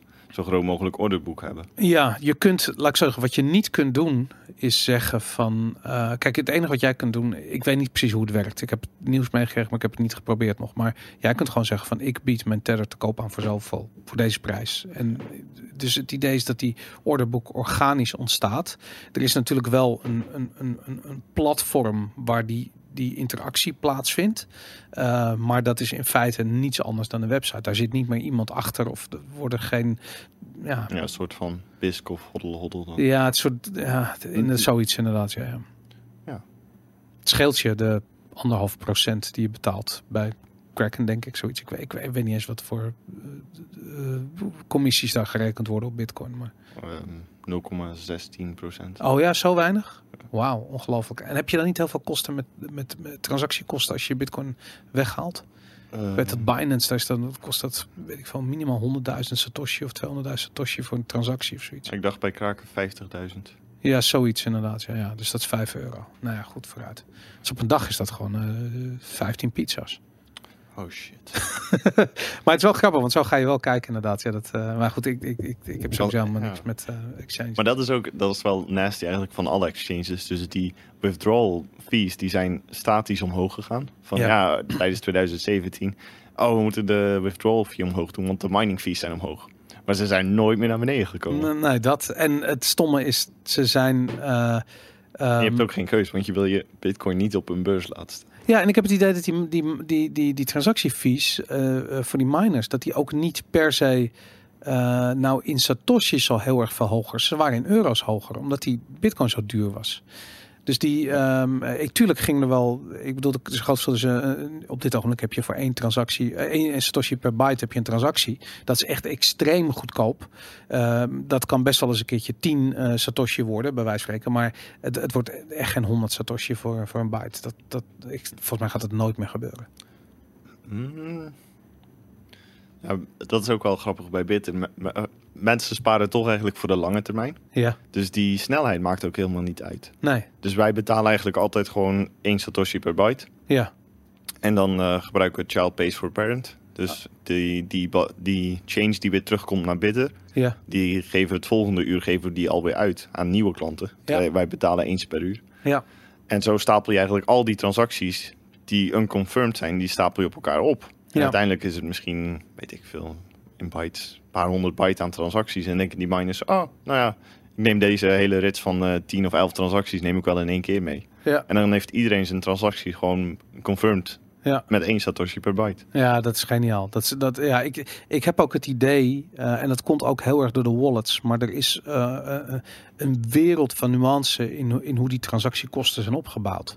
En heel veel van die wallets, die hadden gewoon standaard van, wil je dat het snel is of wil je dat het langzaam is? En that's it. Ja. En dat, je kon geen bedragen invullen, niks. En iedereen, natuurlijk wil je dat het snel is. Want je gaat er niet zeggen van, ja, ik vind het oké als, als mijn geld eh, over drie dagen binnenkomt. Weet je, ik wil, en vooral als je als beginner ben je vaak bang dat een transactie niet lukt. Ja. Je eerste transactie is gewoon eng, want je hebt zoiets, het is gewoon even pleiten. Je kunt het, je ziet het niet. Het, het- waar is het? Niemand weet het. En dat, ehm, eh, dat is gewoon eng, totdat je eraan gewend bent. Maar dat- je hebt natuurlijk veel beginnende gebruikers, die moet je dat allemaal leren. Ja, ik had. eh, valt op zich mee qua leercurve. Alleen Mhm. nu afgelopen weekend had ik wel ehm, zo'n klant uit Spanje mee. Ja, En ehm, hij had vrijdag had hij zijn bankbetaling gedaan. ja, Vrijdag namiddag. Dus hij had maar in het weekend een aantal mails gestuurd van... hey, ik heb mijn bitcoin nog niet. ja, ja, tuurlijk. Uitgelegd, ja, maar eh, een SEPA-transactie kan of dezelfde dag gebeuren... of het kan maximaal drie werkdagen zijn. Ja, Nou, toen, eh, omdat hij dus vrijdag namiddag had gedaan, wordt hij pas maandagochtend. Hij wordt niet meer vrijdag verstuurd, hij wordt maandagochtend verstuurd. ja, Komt hij pas dinsdagmiddag binnen bij Bunk. ja, Nou, binnen een uur gaat hij bij ons weg. Wij hebben altijd geld van klanten, maar een, maximaal een uur in beheer. Mhm. Eh, en daarna was zijn Bitcoin transaction was unconfirmed. Dus ik kreeg weer een nieuwe support e-mail. Ja, nu, heb, nu lijkt het alsof ik iets heb, alleen dit is unconfirmed. Moet, moet ik nog iets doen? Vroeg die klant. ja. Nee, nee, Het komt vanzelf. het komt vanzelf. Ja, Maar je moet dus, dat is wel eigenlijk een, een hurdle van mensen moeten eerst maximaal drie dagen wachten op een SEPA-betaling. Ja. Eh, en dan ook nog eens op het bevestigen van, bit, van, van de Bitcoin-transactie. ja, Dus eigenlijk als jij nu Bitcoin wil hebben, is Bitter helemaal niet het juiste platform. Bitter is gewoon voor lange termijn, iedere week een beetje. iedere week sparen, ja. ja ik, we hadden het er net al over. Ik, ik, ik, ik ben heel erg geïnteresseerd om bijvoorbeeld eh, eh, iets te doen met zakgeld in bitcoin. Weet je, zo, zoiets. Of van het, het, eh, ik, vind, laat ik zeggen, ik vind die, die, dat idee dat je duizend euro's moet uitgeven aan bitcoin, dat, dat, ik ben daar al lang niet meer, weet je. Ik bedoel, eh, ehm, ik vind het, ik vind bitcoin weer leuk worden sinds ik me realiseer dat het, dat, dat, dat 10.000 satoshi, wat 1 euro waard is, gewoon voelt alsof je 10.000 euro hebt, weet je. Dat vind ik leuk aan bitcoin. Ehm, eh, en ik vind de, de, de, de community leuk. En ik heb zoiets van de, wat ik waardevol vind aan Bitcoin, namelijk die, die, die lange termijn eh, mindset, dat, dat, dat low time preference. Ehm, dat wil ik graag mijn kinderen meegeven. En eh, ik, in mijn ogen is ongeveer alles wat er in de wereld mis is, de overproductie, de milieuvervuiling, de plastic in de oceanen, allemaal terug te voeren op die eh, low time preference, of eigenlijk de huidige high time preference die we hebben. Een soort van, het is zo belangrijk dat, er, dat je geld morgen een return eh, on investment oplevert, dat dat dat moet gehaald worden, ongeacht de gevolgen. Met andere woorden, het is goedkoper om plastic in de oceaan te flikkeren dan om het in te zetten voor een productieproces van volgende week. Want je moet nu je return hebben, weet je. En Ja. of er volgende week nog iets te verdienen valt, dat weten we niet. Maar dat we nu eh, eh, eh, geen zin hebben om geld uit te geven, maar het mag gewoon op de oceanen flikkeren, dat is wel zeker, weet je. En dat zie ik met heel veel dingen. Dat zie ik met, weet je, als je kijkt naar hoe, hoe de bio-industrie aan het ontstaan is, als je naar voeding kijkt, weet je, dat soort van het welzijn van dieren. en ik ben geen vegetariër meer hoor, maar ehm, eh, het, het idee dat er de ziektes die voortkomen uit zieke beesten die met 40.000 tegelijkertijd in een varkensflat zitten. Eh, dat, dat ik zoiets heb van ja, dat, dat kan niet goed zijn. Weet je, het Nee. kan gewoon niet. En waarom gebeurt het? Alleen maar puur voor geld. En we moeten nu moet het iets opleveren. Dus dat die, die high time preference, korte termijn denken van moet nu, nu, nu, nu.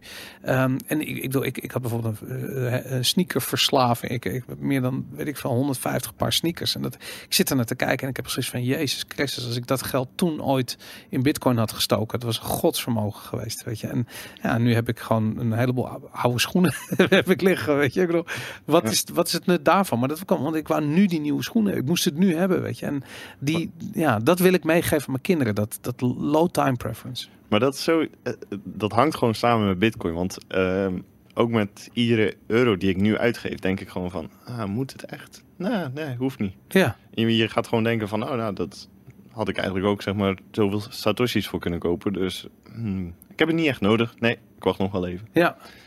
Precies dat inderdaad, ja. Ja. Maar, maar dus, dus ik had zoiets van, ja, de, de, ehm, eh, ehm, kijk, je, je- de dienst die je aanbiedt heeft heel erg te maken met, eh, heb ik het idee, met beginnende gebruikers. En misschien zit ik ernaast. Want het is natuurlijk ook gewoon makkelijk om automatisch een kasso in te eh, stellen en zeggen van ik maak elke maand naar, die, naar, naar Bitter, eh, weet ik veel, een tientje over. En, of, of 25 euro is minimale bedrag. Hè? Ja. 25 euro over en er wordt wat satoshis in, in mijn in mijn wallet gestort, bij wijze van spreken. Ehm, maar het lijkt me heel erg tof om ehm, ja, daar dat inzichtelijk te krijgen. Ik bedoel, ik, ik, ik probeer kinderen een ongrijpbaar idee van digitale schaarste mee te geven. En ik loop er helemaal op vast. Heb je, heb je het boek van de, van de Bitcoin Rabbi? Nee, hebben we het vorige keer over gehad. Nee, het is Ah, nee. Engels. Ik wil het heel graag, maar eh, Engels is nog een beetje... Verta- Vertaal hem in het Nederlands. Ja. Dat vind je echt, eh, hij is er ook al in het Duits en Frans Oh ja? Italiaans. Lijkt me heel tof inderdaad. Ja. Ik ga, je hebt het gelijk. Ik ga hem gelijk bestellen. Dat, eh, wat goed. Dat, eh, Ah, ik had er eigenlijk één mee moeten nemen, want thuis liggen er nog een paar. Oh ja, ja, Ja. dat zei je vorig jaar ook al tegen me inderdaad. Ah. Ja, van dat, eh, Missed opportunity. ja, Het- nee, hij is echt heel leuk. Het oké. ehm, super simpel. Ook gewoon eh, behapbaar voor kinderen. Zo van, nou, die, die kids in dat boekje gaan een limonadestand gaan ze beginnen. En ze lopen tegen het geldprobleem aan. Zo van, oh, ja, wat moeten we nou gebruiken als geld? Ja. En natuurlijk, pas helemaal op het einde van het boekje is het zo van, oh, oh waarom gebruiken we geen bitcoin? En, en het legt het ook in een paar pagina's uit. Ja, ook de stock-to-flow ratio. ja, nee, tof. Ja, ik, dat is een goede inderdaad. Ja, de- hoe heet het boek ook weer? Ehm, bitcoin money. Bitcoin Money. Nou ja, goed. eh, dat, Eh, volgens mij heeft het nog een andere de subtitle Bitville. Zeg maar. Oké, ja. Bitvillage. Oké, nou. Oh ja, op die manier, ja. Nou, ik, ik ga het bestellen. Ik, ik hoop dat dat een, ehm, eh, ja, dat dat eh, een oplossing is voor de. Wat ik vind dat dat vertellen van dat verhaal, hè, wat eh, dat is ook waarom ik met podcast daar aandacht aan besteed. Ik vind het heel belangrijk om mensen mee te nemen in het gedachteproces achter Bitcoin. En ehm, het is ontzettend abstract en het heeft mij echt zeker een paar jaar gekost voordat ik volledig eh, ehm, eh, eh, een, een, ik, ik wil niet eens zeggen dat ik Bitcoin begrijp, want ik begrijp het allemaal. Hoe meer ik leer, des te minder ik ervan begrijp. Ja, maar het is nu wel al een stuk makkelijker dan toen wij ermee begonnen. Nu heb je bijvoorbeeld een nieuw boek Inventing Bitcoin. Ja, Die is ook echt heel goed, heel kort, 100 pagina's. Supergoed in Bitcoin uitleggen. oké. Je hebt de Bitcoin Standard voor, Ja. voor midden. monetaire- Economische ja, kant, economische monetaire, ja. En die hadden wij niet. Ja. En we hadden Andreas Antonopoulos video's die ik allemaal kapot gekeken hebben Ja. natuurlijk. Maar dat, eh, ja, nee, dat, dat is wel waar. Ja, ik, ik, denk dat, eh, eh, maar ik denk ook dat ehm, eh, wat ik heel veel zie gebeuren, en dat is vooral in de, in de, in de shitcoin kant en in de trading kant, is dat er op YouTube ontzettend veel eh, ehm, mensen opstaan die als guru betiteld worden, die dit totaal niet verdienen. Ehm, en er zijn een paar eh, er zijn een paar mensen. En ik, ik, ik weet, ik had op een gegeven moment een discussie met een jongen die ooit, ooit heeft stage gelopen. Die heeft ook een Bitcoin podcast of een crypto podcast trouwens. En die was heel erg fan van Ronnie Moas.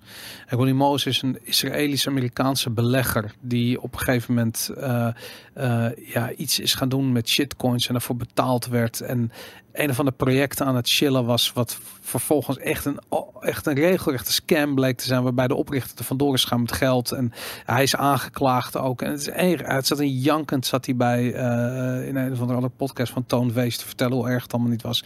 En het interessante daaraan vond ik van ja, deze man heeft zichzelf als, als guru eh, gepresenteerd op YouTube. Veel volgers had hij, eh, echt 50.000 volgens mij. Ehm, en uiteindelijk wist hij niet wat hij aan het doen was.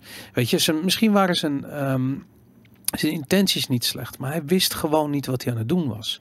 En dat, dat zie ik gewoon ontzettend veel op YouTube. Ik zie heel erg veel mensen die, die zich kapot staren op prijs bijvoorbeeld. Of die zich kapot staren op, op, op, op, op moving averages. Een soort van trading eh, indicatoren om te kopen en te verkopen. En ik heb echt zoiets van, het is zo'n ontzettende onzin allemaal.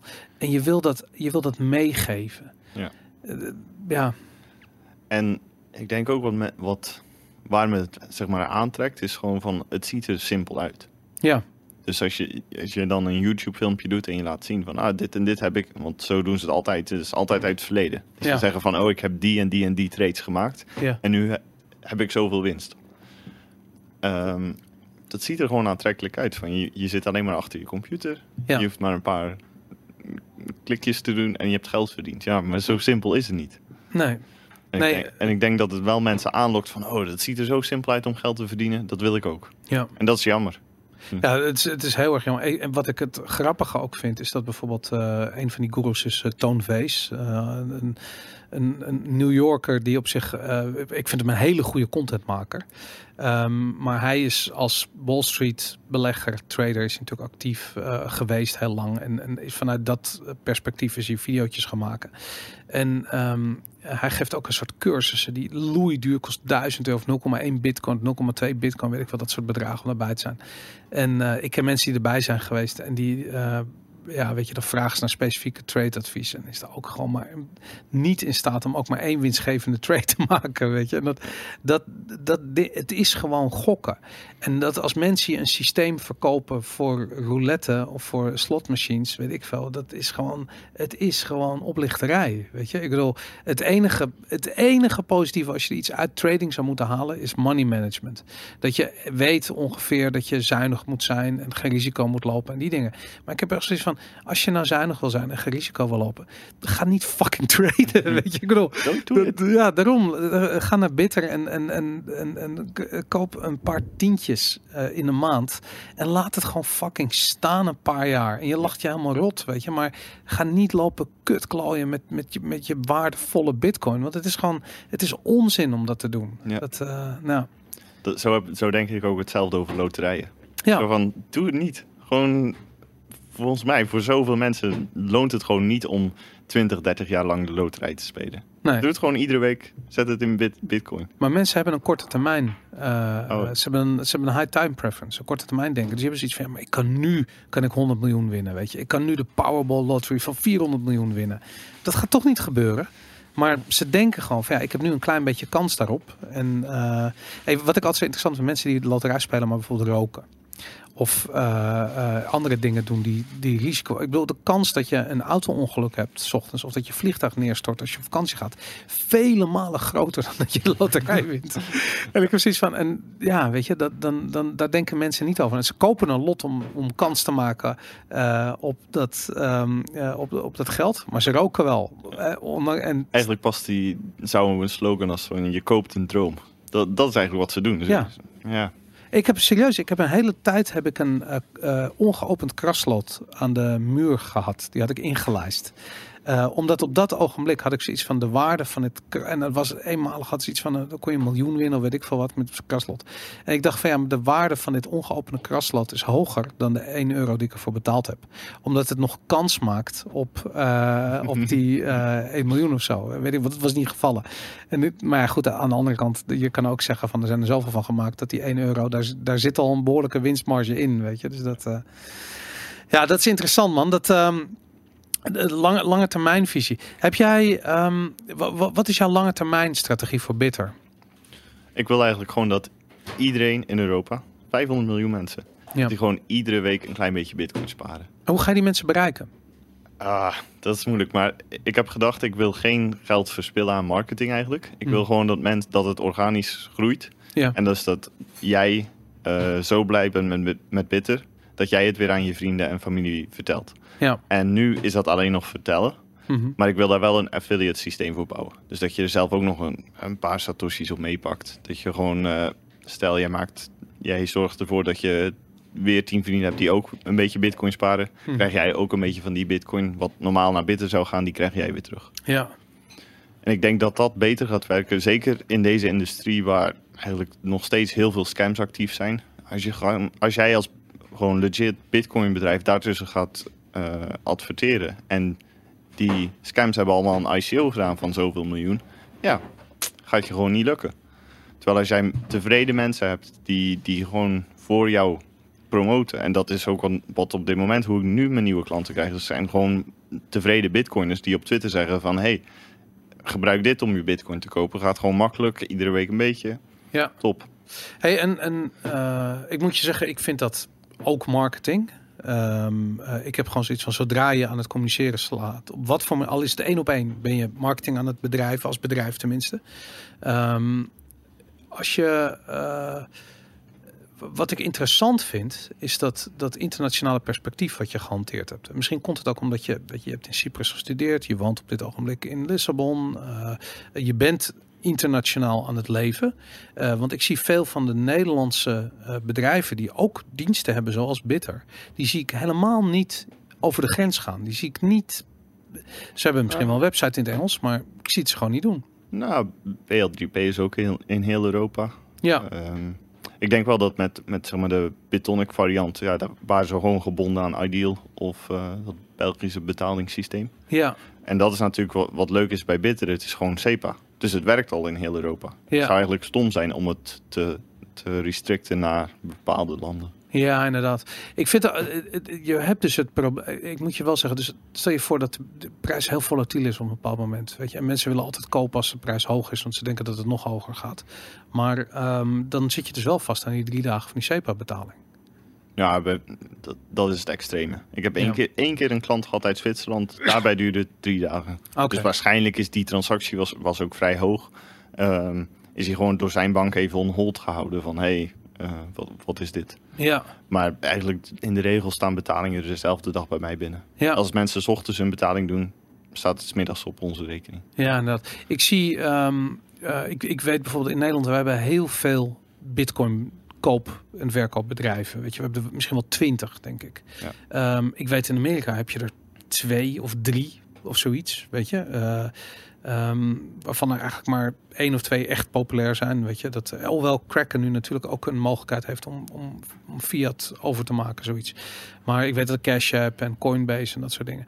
Hoe, hoe zit dat in de rest van Europa? Als je naar Italië gaat of Spanje of... of... Ik weet het niet voor die landen, maar in, in Portugal is er echt niks. Dus je, hebt, al- je hebt alleen maar internationale bedrijven die ook in Portugal hun dienst aanbieden. ja. Maar er is geen enkele eh, Portugese Bitonic die er al vanaf 2012 was en die bitcoin verkocht. Bizar toch? Heb je Ja. geen Brazilianen of weet ik veel wat die daar ook... Dat...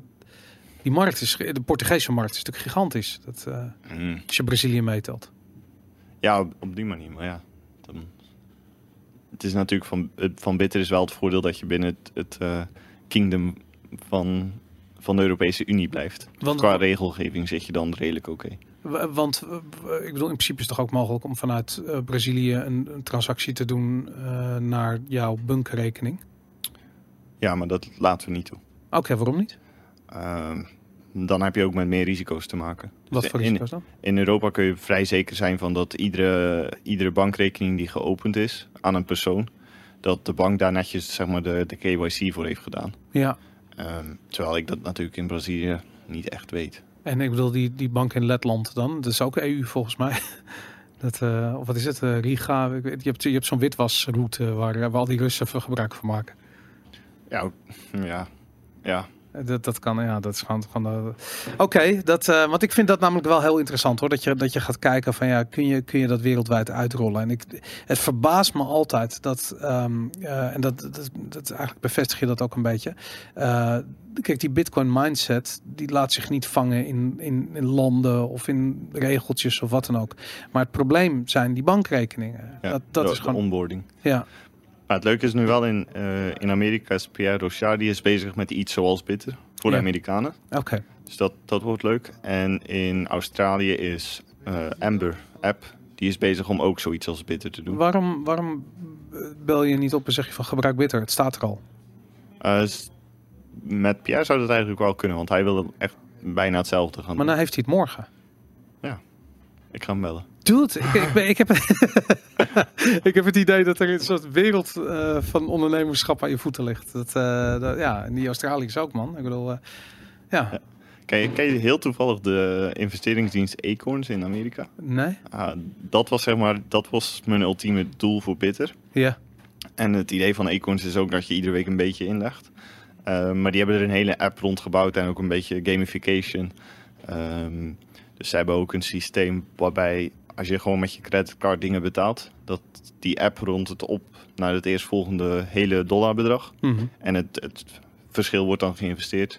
Ja. Ehm, maar wat ze ook heel leuk doen is van, eh, dat zij partnerships zoeken. Dus bijvoorbeeld, eh, een slecht voorbeeld, omdat het over lenen gaat. Maar ehm, neem nu een lening bij die en die bank. En die bank investeert 100 dollar in jou. Dus het is niet zeg maar zomaar een commissie van 1 of 2 procent. Het is gewoon hier heb je 100 dollar in jouw investeringsaccount. Oké. Ehm, en ik, ik vind dat lange termijn denken vind ik wel leuk. Dus dat merken die investeren in jou om eigenlijk jou als klant te krijgen. Ja, dat doet me een beetje aan dat lolly denken. Dat dan ook een Amerikaanse dienst. Dat, dat moeten we hier in Nederland ook hebben. Ik vind het insane dat we dat niet hebben. Want ik vind het super. Lolly is een Ja. dienst die eh, blijkbaar allemaal bedrijven zoals Amazon die geven eh, kortingspercentages voor grote klanten. Dus stel je voor, vaak zie je dat in de vorm van een reference link. Weet je, dat klik op deze link, maak gebruik van deze links en dan, dan krijgt de persoon die de link heeft, krijgt ook wat weet ik veel, wat geld. En Lolly verzamelt het allemaal en betaalt dat uit in bitcoin. En eh, dus krijg je een paar satoshis. En dat is eh, best wel interessant. Want wat je dus krijgt is dat je een paar schoenen koopt. Misschien eh, eh, 2 euro aan, aan bitcoin krijgt. En die 2 euro die kan op een dag meer waard worden dan die paar schoenen die je gekocht Oh, ja. hebt. Cool. Dat idee. Dus dat je eigenlijk, nou goed, ik vond het heel, ik heb zoiets van, dat moet in Europa ook. Dat, Ja, een vriend van mij uit, uit Polen is daarmee bezig. op de Oh, ja? Europese markt. Ja. Cool, heel tof. Setspec. Hoe heet het? Setspec. Z-spec. Set. Set. Van Satoshi's. Setspec. Oké, Z-spec. P-A-S-A-T-S-P-A-C-K. Spec. BA. Back, Bea, sets back. Je krijgt Jezus, terug. kutnaam om dat uit te spreken. Maar ik snap het wel, sets back, ja. Het is ook een beetje een setback, maar nou goed. Ik denk dat hij wel een probleem heeft, want eh Casa die is ook met zoiets begonnen en het heet ook Setspec. Dus Oh, dat- kut. Ja, nou, dat is lastig. Ja, ik moet je wel zeggen dat eh, eh, heel veel Bitcoin-ondernemingen een beetje dezelfde namen en titels gebruiken. En dat, ehm, ja, dat, dat begint problemen op te leveren. Dat, ik, nou ja, goed, anyway. Cool, man. Ehm, ik zat nog heel eventjes. ehm, ja, wat, wat, wat, wat ik eigenlijk eh, het interessantste van Bitter vind, is dat mensen niet. eh, eh, ik bedoel, het is natuurlijk leuk dat mensen kleine bedragen een paar satoshis kopen, eh, bijvoorbeeld elke maand of whatever. Maar wat ik nog veel belangrijker vind, is die kennis delen. Soort van wat is dit? En eh, wat ik heel erg zie, is dat als iemand geïnteresseerd is in Bitcoin, probeer ik te zeggen van nou, weet je, ga niet een auto verkopen en probeer een hele Bitcoin te kopen. Weet je, koop gewoon een tientje, koop twee tientje, whatever, that's it. En, je, en want ik weet, als mensen dat doen, dan beginnen ze te leren en dan gaan ze lezen en dan kijken ze wat YouTube-video's en dan wat documentaires. En voor je het weet, weten ze er meer vanaf en dan weten ze wat ze aan het doen zijn. En ik vind dat dat een proces waarbij ik zoiets heb van dat zou meer begeleid moeten worden. Mensen Ja. worden, worden volledig losgelaten en, en moeten maar zwemmen in die zee van eh, content op YouTube. En daar zit zo ontzettend veel onzin bij. Er zitten zoveel scammers en traders en weet ik veel die met onzin informatie eh, terugkomen. Ehm, ja, dat- dat- dat is problematisch. Ja, daar ben ik wel met je eens. En eigenlijk zou Bitter daar ook wel een grotere rol in kunnen spelen. Want nu Ja. is heel de website staat eigenlijk in het teken van ga die Satoshi's sparen. Ja, Maar er zou eigenlijk een eerste stap moeten zijn van nou, wat is Bitcoin nou eigenlijk? Gewoon op de homepage, die knoppen die er staan, die blijven staan. Maar ook, wat is Bitcoin? ja. Ja, en, en niet dan vervolgens een boekwerk van 200 pdf's met alles van Bitcoin. Of eh, weet je, ik, ik, op zich, er is een guy die heeft eh 10hoursofbitcoin.com gemaakt. Ja, Eh, die newsletter. Ja, nee, dat is een site met allemaal eh, eh, Oh, lezingen en toestanden. En het kost 10 uur om er doorheen te komen. Ik kan het iedereen aanraden. Het is best wel oké, zeker voor beginners is het echt goed.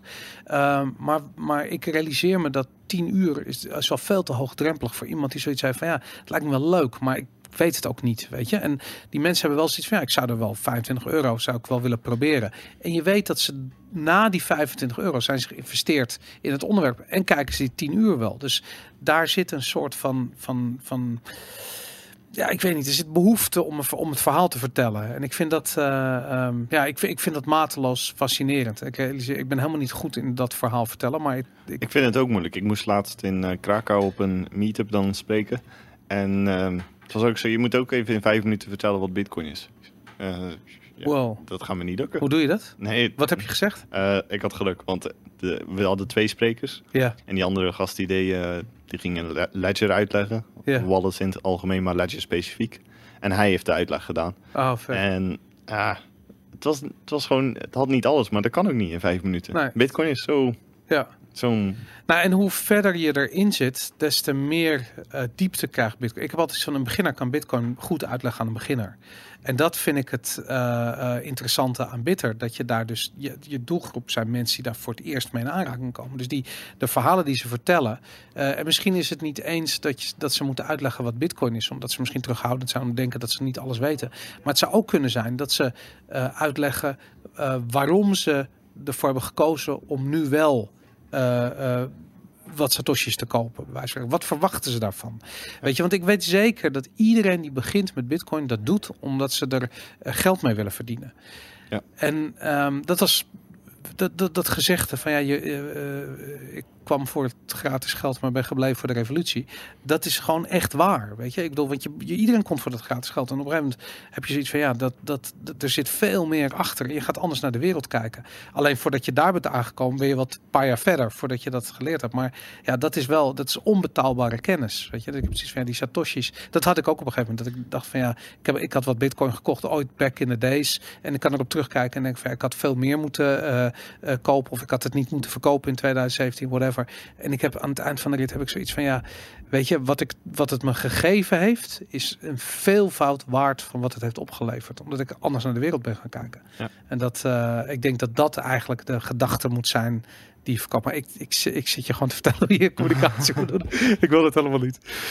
Ruben, ik vind het super cool dat we hier uh, uh, ruim een uur over, uh, over Bitcoin gepraat hebben en over Bitter. Hoe, hoe komen mensen met Bitter in aanraking? Hoe kunnen ze jou volgen? Wat, wat waar vinden ze Bitter? Ja, ik ben vooral actief op Twitter, dus dan is de handle is getbitter. En dat is ook de website getbitter.com. Dus www.getbittr.com. Ik lees het gewoon nu voor van je, van je, van je t-shirt. Yes, dat is hem. Cool man. Nou, ik raad het iedereen aan die... Uh, en niet alleen omdat je... Uh, ik, ik zit je hier niet te promoten omdat je me uh, betaalt. Ik vind het gewoon super cool wat je doet. je bent een echte bitcoiner.